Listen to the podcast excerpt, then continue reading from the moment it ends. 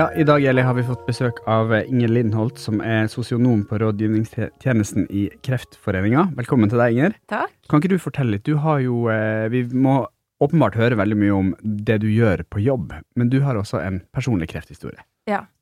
Jeg fikk jo brystkreft i 2012. Da var jeg høygravid med datteren min. Og da, så det er liksom starten på den kreftreisen min der, altså 2012. Høygravid og kjente at jeg hadde noen kuler i brystene. Dro til legen, eh, fikk beskjed om at eh, nei, det, det, her er veldig vanlig, eller jordmor først, da. Det er veldig vanlig å, eh, at man har mye ja, kuler og forskjellige ting i brystene når man er gravid, på grunn av melk som starter å produseres, ikke sant. Det er, gjør deg klar til det. Mm. Og da var du 28 år. Ja. Og så dro jeg til Men så var jeg liksom ikke trygg på det svaret, så jeg dro til fastlegen min. Da var det en vikar der. Hun sa hun tenkte at dette var helt normalt. Så dro jeg en gang til, og da var det helt tilfeldigvis en vikar til. Så ja, det høres litt eh, rart ut at det var så mye vikarer, men ja, hun, legen min var litt uh, hadde drevet og underviste litt på universitetet også. Men i hvert fall så, hun, så hadde hun jo helt tilfeldigvis jobbet da med brystkreft, så hun sa at det her er brystkreft med en gang. Så den her kom jeg Jeg har jobbet på eh, brystdiagnostisk på Radiumhospitalet, så jeg vet Jobbet med brystkreft i mange år, masse forskjellig. Så jeg Dette her er brystkreft. Så mm. dette kommer jeg til å sende deg videre til et pakkeforløp. Mm. Så hun var sånn med en gang. Så flaks, sånn sett. Så jeg ble satt, satt i gang sånn Ja, henvist til eh, eh, Ja, for å ta en biopsi, da. Og brystdiagnostisk. Men det er jo skremmende at det er så tilfeldig, da. Ja, veldig skremmende. Mm. Det viser jo at det ikke er gode nok eh, rutiner for Absolutt. å oppdage brystkreft. Mm, og at jeg hadde da en fastlege som måtte ha noen vikarer i uka. Jeg var klar over det. Men de er jo ikke like flinke, og kanskje, det kan jo godt hende at hun fastlegen hadde også sendt meg videre med en gang. Så det er noe med det, altså. Mm. Virkelig. Mm. Så blir du sendt videre, og svulsten din er da åtte ganger ti centimeter stor? Det finner jeg jo ikke ut, ut, av med en gang, da. For da må de jo inn, og, og allerede da så tenker jeg sånn ja ja, men det er jo ikke kreft, det er jo Jeg skal bli mor, ikke sant. Jeg er jo veldig der. Så, og så får jeg svare at uh, Får jeg ikke svare med en gang. Uh, men så ringer de meg. Jeg tenker det er overhodet ikke kreft. Det er så fjernt for meg at det skulle være det. For jeg er høygravid, jeg er 28 år gammel. De færreste får jo det. Så jeg drar på ferie, jeg kommer tilbake, og så ringer de meg uh, fra Ullevål, da. Og da, til, til, og med da skjønner jo ikke jeg at For hun sier sånn Ja, nå, nå, har vi fått biopsien, svaret på den, og da må du komme opp, og, og så får du svaret her.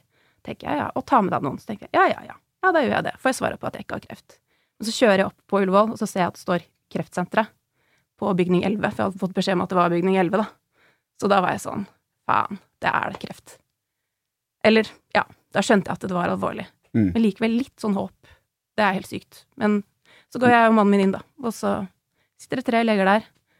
Eh, jeg er høygravid, og så er det sånn, ja, den uh, svulsten din, det er, en, det er brystkreft, og den er åtte ganger ti centimeter så sitter jeg på Du vet det, Eli, at man husker veldig de der akkurat det stunden det skjer. Husker hva du hadde på deg, sikkert, og ja, ja, ja.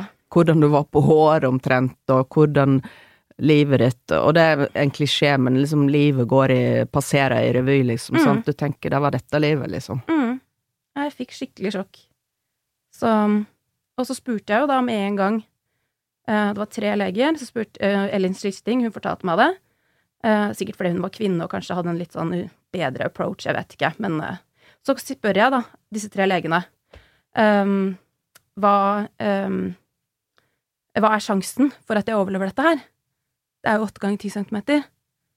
Uh, og så sier Erik, da, Erik Wist, sa sånn Ja, det er 50-50.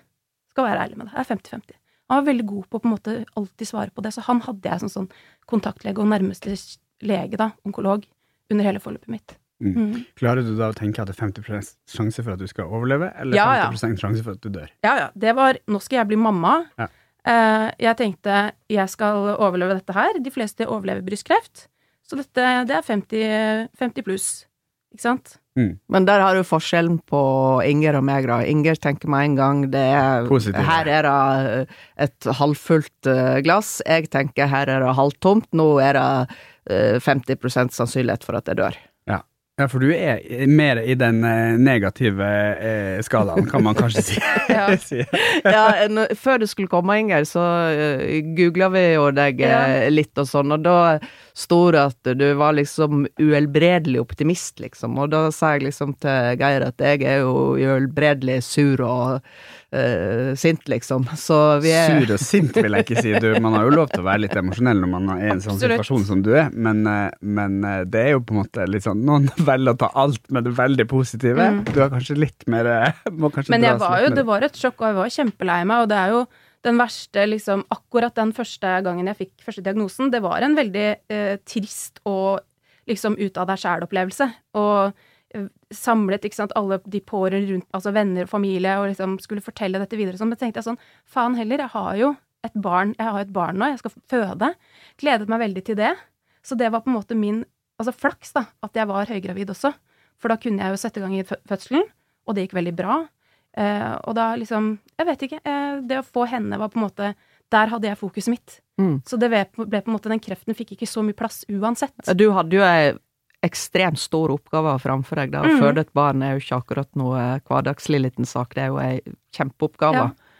Så det var det du prioriterte i, i starten, selvfølgelig. Mm. Mm. Og så har du en Du gjennomfører en vellykka fødsel, eh, Mm. så har du operasjon. Ja, de setter meg i gang, da, for de ville ha meg i gang etter Ja, på termindato. Ja. Så sa jeg sånn, må dere, kan dere ikke bare gjøre det med en gang? Og var sånn, nei, eh, det kan godt hende at eh, svulsten minsker også ved en fødsel. Ja, men det gjorde den ikke. Men eh, ja, så ble jeg satt i gang etter en fødsel på uh, helt vanlig sånn vanlig forløp, da. Da Eh, var det først cellegift og Ja, for å skrympe, krympe den, ikke sant, og så eh, litt lettere cellegift, og så eh, kirurgi. Og så, da var den i utgangspunktet hormonpositiv, så fikk jeg antihormoner, da, tamoxifen. Mm. Mm. Tenkte at nå, dette går bra. Mm. Og det gjorde det også. Selvfølgelig litt sånn frem og tilbake, jeg fikk en lungebetennelse, tok med meg ungen min på sykehuset igjen, liksom, det var, men jeg var bare sånn i den bobla òg, altså. Mm. Det å få barn var så, det var så nydelig for meg òg. Så det mm. Det er jo nydelig å få barn, og det gir jo eh, liksom litt perspektiv òg på livet, ikke sant? Ikke Sånn, sant? Mm. eh, Men, men det må jo ha vært en veldig, veldig eh, emosjonell eh, opplevelse å stå oppe i liv og død på den måten som du gjorde mm. der, da. Mm. Så så jeg også for meg det verste, da. Sånn før første cellegiften min, så sa det sånn Noen får veldig, blir veldig kvalme, noen blir det ikke. Og så tenkte jeg sånn, ok, nå blir jeg sikkert skikkelig kvalm. Men så ble jeg ikke det. Så da dro jeg ut og spiste lunsj og shoppa litt på Løkka og tok med meg babyen min og Jørgen og ja. Mm. Så jeg liksom det, Jeg har sett for meg mye sånn worst case. Kanskje hun blir en kjempevanskelig, et vanskelig barn. Kanskje hun er funksjonshemmet. Man vet aldri. Man kan ha ingen ikke sant, sikkerhet for noe her i livet. Mm. Så jeg så for meg liksom worst case, og da ble det bedre. Mm. Og så går det bra noen år. Du, du blir frisk igjen etter, Ja. Mm. etter det pakkeforløpet. Begynner å jobbe 100 mm, Vilde begynner i barnehagen. Ja. Så det går veldig fint, altså. Og så, og så ser jeg at det- er en Da begynner jeg å jobbe som jobbkonsulent for å hjelpe folk ut i arbeid. Jeg er jo sosionom, så gjorde jeg det. Og så så jeg den stillingen til Kreftforeningen, som er sånn rådgivningstjenesten, som kan rådgi i forhold til ja, sosiale ja, rettigheter. Eh, ja. Det, det en sosionom gjør, da. Pluss at jeg hadde jo den erfaringen min, så tenkte jeg å, det er perfekt. Mm. Og da begynte du i Kreftforeningen. Kan ikke du fortelle litt mer Mm. konkret nøyaktig hva er det jobben går ut på? Ja, den går ut på å eh, betjene rådgivningstjenesten, rådgivnings, en linje, da. Um, og det er, det er, vi er både på chat og telefon og um, mail. Og så um, har vi sosionomene, vi er jo tre sosionomer, og så er vi seks uh, sykepleiere. Og vi jobber med å ja, gi råd om alt i forhold til kreft, men vi sosionomene har mer med liksom, rettigheter og sykepenger, arbeidsavklaringspenger, litt vanskelige saker. Uh, Og så kan vi snakke med juristene i forhold til det. Mm. Vi har liksom noen jurister i bakland. Um, og så sykepleierne tar mer det eh, kreftfaglige. Men eh, jeg, som åpenlyst nå har mye kunnskap om brystkreft, tar veldig gjerne det også. Sånn at, eh, og veldig mye støttesamtaler. Og noen ganger så snakker vi ikke i det hele tatt, vi bare lar personen snakke. For Mm. bare det er litt sånn helbredende i seg selv. Mange er ensomme, mange har ikke den informasjonen de trenger. Sånn sett syns jeg er veldig givende. Kunne gi mennesker håp. For det, det kan hende at de ikke har skjønt ting sånn som det er. Og også litt sånn at Ja. Det, de trenger noen å snakke med, og ja. Mm. Mm. Har du brukt denne rådgivningstjenesten, Eli?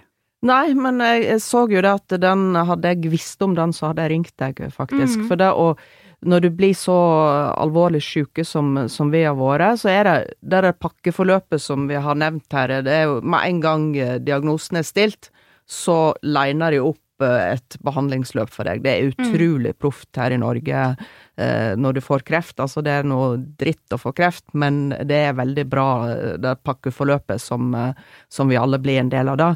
Men der det ikke er et pakkeforløp, det er jo alt det økonomiske og det praktiske, og du må jo være professor i skjemautfylling, føler jeg i hvert fall, for å finne Altså, i de Nav-systemene, det er ikke Mm. bare sånn der å si at nå har jeg fått kreft, og så uh, får du sykepengene dine automatisk. I hvert fall ikke for meg som var selvstendig næringsdrivende, så var jo det et puslespill å, å få på plass, og hadde jeg visst at det var en sånn telefon, eh, så hadde jeg ringt deg, altså. Ja, absolutt.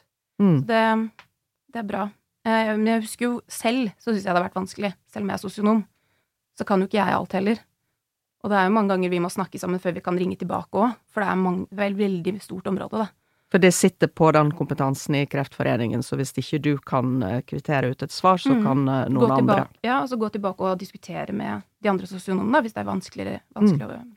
Men jeg skjønner jo det at du har en uh, spisskompetanse i og med at du har hatt uh, kreft sjøl, mm. men det å sitte og prate med kreftpasienter hver eneste dag, eller i hvert fall Mm. når du er på jobb, da, det blir ikke litt mye? Jeg tenker, altså, Noen ganger kan det jo bli det, men samtidig så er det litt sånn, tenk tenker sånn den helsikes kreften, som du sier. tenk sånn, Da får jeg i hvert fall brukt den erfaringen min til noe positivt, da. Og det er det det på en måte Ja, det er det som driver meg. Nå kan jeg gjøre en forskjell, og jeg kan bruke kompetansen min som jeg har som sosionom, og jeg kan gjøre noe med at jeg fikk dette her. Og det er jo litt derfor vi sitter her og prater om den helsikes kreften òg, er jo de tilbakemeldingene som vi òg har fått, Geir, på podkasten, at eh, det, det hjelper folk, og de føler mm. at det, oi, jeg er ikke aleine, jeg òg har kjent på Mhm. de følelsene, jeg òg har vært fortvila og eh, holdt på å gi opp, og så hører jeg på deg, Eli, og så ser de at eh, der sitter ei dame som nesten fikk en dødsdom for eh, to år siden, og hun, hun er i live Mm. ennå, og jeg må jo si sjøl om jeg eh, koketterer med at jeg er en deprimert vestlending, da, så har jeg jo, jeg har jo håp. Det hører jeg. Mm. Mm. Men for deg så stopper det jo ikke her, fordi eh, vi, du fikk første kreftdiagnose i 2012, Mm. eh, og nå har vi kommet frem til to- 2015. Du har Mm. fått et barn, du har jobba ett år som rådgiver i Kreftforeninga. Mm. Da får du en ganske dramatisk beskjed. Ja. Da eh, har jeg hatt vondt i hodet en stund, og så har jeg gått til eh, legen min, som da også hadde en vikar, eh, og spurt liksom hva er dette her, jeg har vondt i hodet. Eh, nei, men det er bare fordi du er stressa, det er veldig psykisk påkjenning og, på kreft, og det kan hende at det har satt seg i kroppen din. Så jeg var litt sånn hos fysioterapeut, eh, psykomotorisk, ikke sant, fysioterapeut, eh, men ingenting hjalp. Og så til slutt så um, drar jeg til barnehagen for å hente Vilde, og så får jeg et sånt lyn opp i hodet, og tenkte jeg bare sånn, det her er ikke bare psykomotorisk, dette er noe annet. Og så da drar jeg til legen min, som er der da, så sier hun bare, dette blir et MR med en gang. Men jeg tenkte sånn, ja, det er sikkert ikke noe, sikkert en sånn senskade, men det, hun ringte meg da, da dro jeg tilbake på jobb, så ringte hun meg mens jeg skulle ha en samtale, jeg husker veldig godt akkurat hva jeg gjorde, satt med en jurist og meg, skulle vi ringe opp en person sammen, um, og så ringer hun meg og sa, jeg må bare ta denne, og så var sånn, ja, den, det viser seg at du har en to centimeter svulst på hjernen. Mm. Så da, da falt Det var liksom For meg, det var jo Det var mye verre enn første gangen, for da visste jeg at jeg aldri kom til å bli frisk. Ikke sant? Du visste det med en gang. Ja, ja, for jeg kan jo gangen i Altså prognosen din, liksom hva, hva som skjer hvis det sprer seg og Så ja. Da tenkte jeg bare fy søren, nå Nå dør jeg, liksom. Eller Mm. sånn. Dette er jo Ja, ja. Det var det for meg, liksom. Mm. Jeg var, det gikk rett ned i kjelleren. Og så, ja. Så dro jeg hjem, og så Jeg husker det, det var liksom Ja. Nei, det var, eh, var grusomt. Så ringte jeg jo Ringte hun opp til eh, onkologen min, og så ble det satt i gang veldig raskt, da. Og vi satte i gang med å ta Fikk jo time dagen etterpå.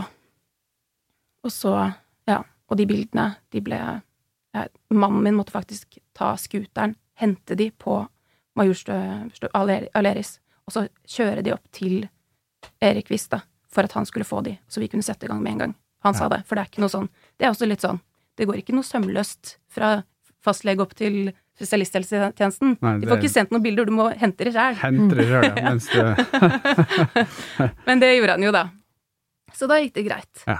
Så kom vi oss inn i det møtet og fikk eh, ja, snakket litt om hvordan vi skulle sette i gang operasjonen. Mm, jeg- mm. Men hvordan er den tida? Den er helt jævlig. Så jeg kom hjem, og så snakker jeg med han på telefon før det møtet også, så han var veldig god på det å kommunisere med meg. Så jeg sånn, du, i aller verste fall, nå har jeg fått den spredningen til hodet, hva, kan du si meg noe sånn år? Så han bare, vet du hva, jeg skal si deg, aller verste fall, så har du to år. Og da tenkte jeg sånn, ja ja, da vet jeg det, to år. Og håper det er noe mer, da, men at dette går bra. Men da hadde jeg det å forholde meg til. Det er Mm. ikke noe som skal skje i morgen. Mm. For to år, det er også det som du har fått beskjed om, Eli, for to år siden. Ja, jeg, jeg trygla meg uh, fram til å få en eh, sånn prognose, fordi det var eh, I mitt tilfelle så var det ingen som ville si til meg. Jeg spurte alle, de sa bare Det de sa, var jo at du er kronisk kreftsyk, eller du er uhelbredelig kreftsyk, og det høres det ikke akkurat så lystig ut. Eh, Men det var endelig en eh, lege, jeg skal ikke nevne navn selvfølgelig, men eh, han visste jeg at han hadde litt taket på det, så jeg tenkte sånn, han der skal jeg Mm. mase på sånn at jeg får en, en prognose her, for det, det vil jeg ha, altså. Mm. Uh, og da sier jeg Da begynner jeg liksom å spørre sånn uh, Ja ja, hvis, hvis jeg tar denne cellegiften, da, sant, så, så kan jeg leve i ti år til. Og da bare ser han på meg og rister på hodet.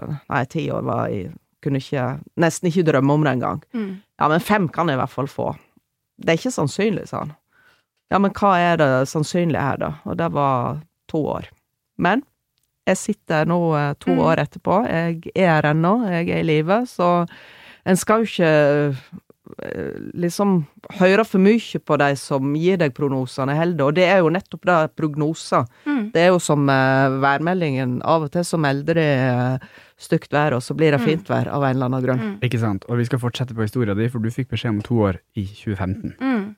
Og da gikk jeg litt sånn til han derre John of God nede i Brasil og liksom tenkte sånn Nå må jeg bare Da var jeg helt der ute.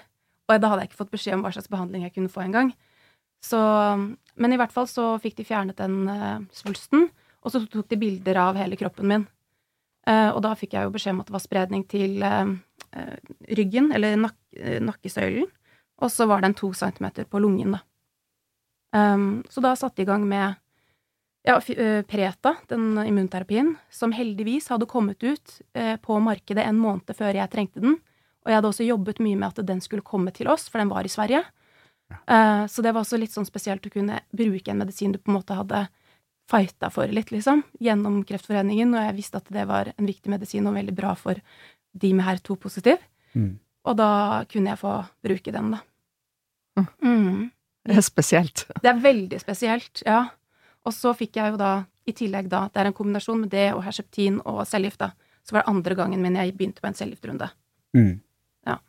Men da tenkte jeg også sånn, bare sånn for å se det positive i det, så tenkte jeg sånn, ja ja, men uh, da gifter jeg meg. Vel, det, den støttes, støttes. Så da ble det bryllup. Ja. Du sa ikke det til mannen min, jeg gifta meg bare på grunn av dette, liksom. Nei. Men faktisk litt. Det var litt kjærlighet det, òg. ja, ja, ja, absolutt. Men det var litt det at det, nå mister jeg snart håret. Så eh, hvis noe skal skje, så må det skje nå. Ja. Mm. Så da gjorde vi det. Det var veldig fint. Det var det. Var på bryllupsreise og ja, det var kjempefint. Men ja. Det har ikke vært så lett for han. Jeg har taklet dette på en helt annen måte enn han. Så, Mm. Men vi som, jeg er jo sosionom, så jeg vet jo hvem jeg skal kontakte, hva jeg skal gjøre når ting blir vanskelig. Forhold til Mm. familie, hvordan jeg skal snakke om det, da. Mm. Mm. Når man får beskjed om at man har en eh, Man har mulig to år igjen, da. Ja. Eh, det er vel kanskje mange som vil sette en dato, og drive en slags nedtelling mot den datoen. Nei, jeg gjorde ikke det. Jeg tenkte at jeg har mye annet å drive med. enn Ja, men jeg tenker, får du mange spørsmål om det? Folk som ringer Nei. inn, som har fått vite at jeg har kanskje to Jeg tenker jeg ville ha sannsynligvis tenkt at ok, jeg fikk vite det i desember. Desember om to Mm. Ja. år, da er det, Det er jo game noen som har sånn bucketlist Ja. på sånne ting de vil gjøre. Og mm, Hvordan har det vært for deg? Eh, Jeg er i ferd med å bygge meg opp ei veldig, veldig bra bucketliste. Jeg Mm. Kan du røpe en av de tingene jeg skal gjøre? Lage Eh, podkast, har du sagt. Lage podkaster har jeg allerede gjort, men jeg skal eh, hoppe i fallskjerm. Å, herregud. Yes. Så hvis det er noen der ute som har lyst til å ta med meg på det, så er utfordringa Jeg blir med når som helst. Ja. Det må bli sånn tandemhopp, da. Man blir på, Jeg vå- hopper ikke ut aleine. Nei. Det er veldig kjipt. da. Jeg skal ikke gjøre det, mamma. Nei. Overleve kreft, men død. Ja, ja. Ja, nei, men, eh, Mhm. men hvordan er de to årene, da? Hvordan var de to årene? Når man på en måte kommer seg eh, over det og skjønner at ok, det her har jo gått bra. Kanskje, kanskje det er feil? Nei, Kanskje jeg altså- har fem år, eller? Ja, når, jeg, fa- når han fant ut da, at han kunne ta ut den Altså, når de kunne gi meg den Peretaen, så fikk jeg jo med en gang bedre prognose. Så da var det jo sånn gjennomsnittlig 57 års levetid på Pereta. Ja. Så det to år, det var bare worst case før vi hadde funnet ut av hva jeg kunne bruke av medisiner. Ikke sant? Så ja, Oi, så Mhm. du skal bli 57, og enda mer òg, selvfølgelig. fem til syv år. Å ja, fem til sju? Jeg sa Ja. du uh, at det lever Veldig spesifikt. Ja, 57, da er det Uhelbredelig kreft med 57 år som sånn. Ja. Det, ja, det er veldig var veldig litt mye. optimistisk. Ja, fem til sju år, ja. Nei, men det også Men det er jo der Jeg tenker at det, de grensene blir jo pusha hele tiden, og en hører om uh, folk som Mm. uh, trosser alle prognoser. Og så hører en jo dessverre òg om de der prognosene treffer, sant. Så, Mm. så dette For de fleste vil jo jeg tro, hvis de er litt lik meg, så har du Du har det sikkert litt sånn du òg, at noen dager da er du liksom uovervinnelig, du kan klare alt, og du er tøffere enn kreften. Og så neste dag ligger du en bult og griner, og kreften har på en måte overtak på deg. Mm. Er det litt sånn med deg òg? Ja, altså, det var sånn veldig de første to-tre årene. Men nå som jeg har vært eh, kreftfri, altså no evidence of disease, det er ikke noe kreft i kroppen min, for det Peretan har spist opp den svulsten i lungen, spist opp det som var i nakken, ikke sant? Og så fikk jeg også et tilbakefall i hodet, eh, når jeg skulle feire at jeg var ferdig med den første runden med cellegift. Dro til Thailand, og så et, kom jeg tilbake derfra og fikk et epilepsianfall, så da har jeg hatt to hodesvulster. Fortsatte på peretan med Herceptin, og det har jeg stått på siden da 15, og det har blitt mindre og mindre kreft i kroppen min, og nå er jeg altså uten noe synlig kreft i kroppen. Verken i hodet eller i ja, lungen eller noe. Den har spist opp denne lungen, så den ble ikke operert ut engang. Så du er kreftfri. Da må vi jo Ja, Ja. gratulere med det. Kreftfri, men ikke kreftfri. Mm. Ikke sant? For det, jeg sier også til legen min, ja, på mye gode Altså hver gang, hver tredje måned, ikke sant, så går jeg inn. Jeg går jo på Pireta jevnlig hver tredje uke, og så hver tredje måned så tar jeg bilder. Og så nå har det jo vært de siste årene, da. Alt er bra, ikke sant? Ikke noe Så nå kan jeg nesten kjenne på en sånn litt sånn derre survivors guilt. Mm. At jeg tenker sånn, hvorfor går det så bra med meg? Ja. Det er jo helt sjukt. Men det det må man jo sånn. ikke kjenne på. Det er Nei, jo- jeg vet jo det, Ja. selvfølgelig. Men det er nesten litt sånn. Altså sånn Mm. Og når skal det ikke gå bra? Hva, Mm. hva kan jeg Og da sier hun jo man vet aldri når det snur. Så du kan egentlig aldri vite. Nei. Hvordan det er er det å det ha som det er- hengende over deg? Ja. Ja. Men hvordan er det å ha, å ha det, at du vet det, på en måte? Jeg, jeg prøver å tenke at eh, Tenke minst mulig på det. Mm. Mm. Gjør det. Og tenke at eh, Ja, det er det. Altså, selvfølgelig, det er jo med meg, men og jeg tenker jo på det hver dag. Men prøver å la livet mitt liksom fylles med liksom, det som gir meg glede, det jeg vil ha ut av det, det som gir meg noe. Minst mulig kreft. Så det er jo litt paradoksalt, for jeg jobber jo med kreft. Mm. Er her nå. og så er jeg sånn derre mest mulig liv, minst mulig kreft-innstilling. Men det er litt det at jeg føler at det eneste jeg kan gjøre, det er å liksom Hvis jeg skal vinne, da Jeg hater jo sånne kampmetaforer, men hvis jeg skal liksom ha noen slags måte liksom møte dette her, og vinne over det, som jeg ikke har noen sjanse for å vinne over, for det vet jeg jo, Ja. eh, så er det liksom å bare la meg seire i hjernen. Altså, ja, i hodet mitt. Det er, Den skal aldri kreften få ta. Så jeg kommer til å ha det bra, jeg. Selv om jeg har det også, men selvfølgelig også kjenne på de der eh, jævlige dagene og bare liksom alt er så urettferdig, og Mm. hvorfor kunne søsteren min få tre barn, og ikke sant, alt Ja. det der. Jeg fikk ett. Bare sånn buhu. Ja, vær fornøyd, da, liksom. Ja. Jo, jo, men det er jo noe med det, at man må Mm. finne de lyspunktene som man har, da. Det er Ja. jo- Men det er ekstremt uh, lett å gå inn den blindveien som heter bitterhet, altså, og da tenke at det, dette er så urettferdig, mm. sant. Men, men, når var livet rettferdig, sant? sant? Det, det, er jo ikke, det er ikke sånn det er, sant, at uh, kreften går på de slemme og lar de snille være i fred. Mm. For så slemme har ingen av oss uh, vært. Nei. Så Men det er av og til på de dårligste dagene så tror de fleste blir litt småbitre og tenker mm. 'hvorfor skjedde dette meg', og hvorfor uh, Ja, sånn som du sier, sånn Ja, søstera di fikk tre barn, og du fikk ett, sant, mm. men uh, herlighet, hvor flott det er å ha ett mm. barn, da, uh, tenker jeg. Ja, ett barn sjøl, og, og, kunne være av og til tenke 'åh, hvorfor har de så mange barn, og jeg bare ett', men så har jeg verdens beste barn, sant, og det er helt sikkert du òg. Så, så det er et eller annet med å feire det som er bra òg. Ja.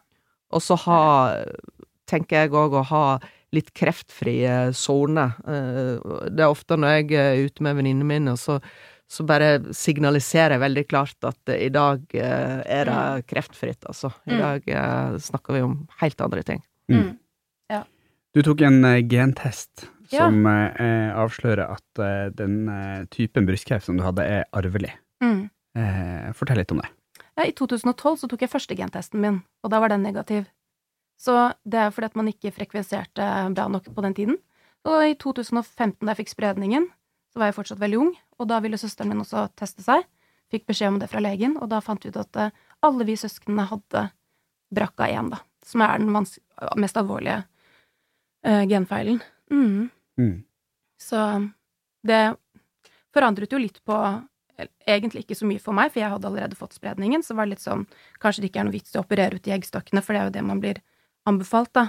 Og, eh, men eh, jeg fikk den operasjonen, og så var det spørsmål Og så de andre søsknene mine da, fikk jo tatt ut de eggstokkene etter at eh, de hadde Eller søsteren min fikk jo alle barna sine, og så fikk hun tatt det ut, og så eh, Men man må jo ikke. Men det er jo veldig anbefalt, da. Mm.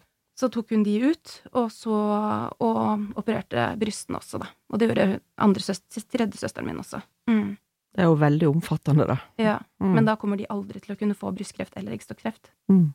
Så det er på en måte Det er jo en god forsikring, men uh, for en uh, pris de har betalt ja. da, da. Mm. Så, ikke sant. Men samtidig så er jo Jeg har jo på en måte vært den som har gått foran der. Som har gjort dette mulig for dem, ikke sant? Mm. Sånn tror jeg Vi er jo glad for at det um, sånn sett at jeg fikk kreft, så at det ble oppdaget, i hvert fall. Ja. Mm. Men det er jo litt kjipt å vite at de kan ha muligheten til å Ikke sant? Mm. Aldri få det, og så hadde ikke jeg den muligheten. Men det mm. Sånn er det bare. Og det er veldig fint at de har fått den muligheten. Det er veldig fint. Og at hun kunne få sitt siste barn òg, da. Mm. Så, men det har ikke alltid vært så lett for meg. Så det er, alt det her er prosesser som har, jeg har gått i, altså. Men jeg er der nå at jeg kan snakke om det. Det har vært kjempevanskelig. Alt i forhold til dette her har jo vært en dal. Berg-og-dal-bane. Mm. Jeg har jo vært skikkelig langt nede. Døds, død, I døden. Sammen med mannen min, da. Da skjønner jeg. Mm, dro jo han etter den derre Når jeg fikk spredningen, liksom. Da var det jo rett ned med han også. Så da var det dette med bryllupet og prøvde å liksom Ja, bygge oss opp igjen, òg. Mm. Ja. Det ble et fint bryllup. Ja. Var, vi var ikke mange, men det var jo veldig hyggelig. Fint for meg, og ja, fint for han òg. Mm. Mm. Eh, det du eh, nå har fortalt, har, er jo på en måte Altså, det gir jo et håp for mange som er, ja. er i eh, kanskje tilsvarende situasjoner. Vi har jo hatt gjester her som har vært både genforskere og, eh, og jobba med immunterapi og eh, mm. kreftleger, og alle forteller jo vel at det er en veldig rivende utvikling i mm. kreftforskning. Mm. Eh, og det du fortalte nå med immunterapi, og det du nå har vært igjennom, viser jo at det finnes jo håp. Mm. Eh, man må liksom ikke gi opp den kampen. Og så er det så flott òg at det finnes det mennesker som Inger, som sitter og hjelper folk eh, daglig i Kreftforeningen, folk som er i krise. Det òg syns jeg vi skal ta med oss videre. Mm. Eh, hvis noen eh, som hører på nå har lyst til å ta kontakt, hvor er det man eh, henvender seg da? Da kan man enten ringe eh, rådgivningstjenesten på 21 49 49 21, sende en mail, chatte. Det er kanskje enda enklere for mange. Mm. Mm. Veldig bra. Da sier vi tusen, tusen takk for at du eh, tok deg tid til å være gjest hos oss. Jo, veldig fint å være her.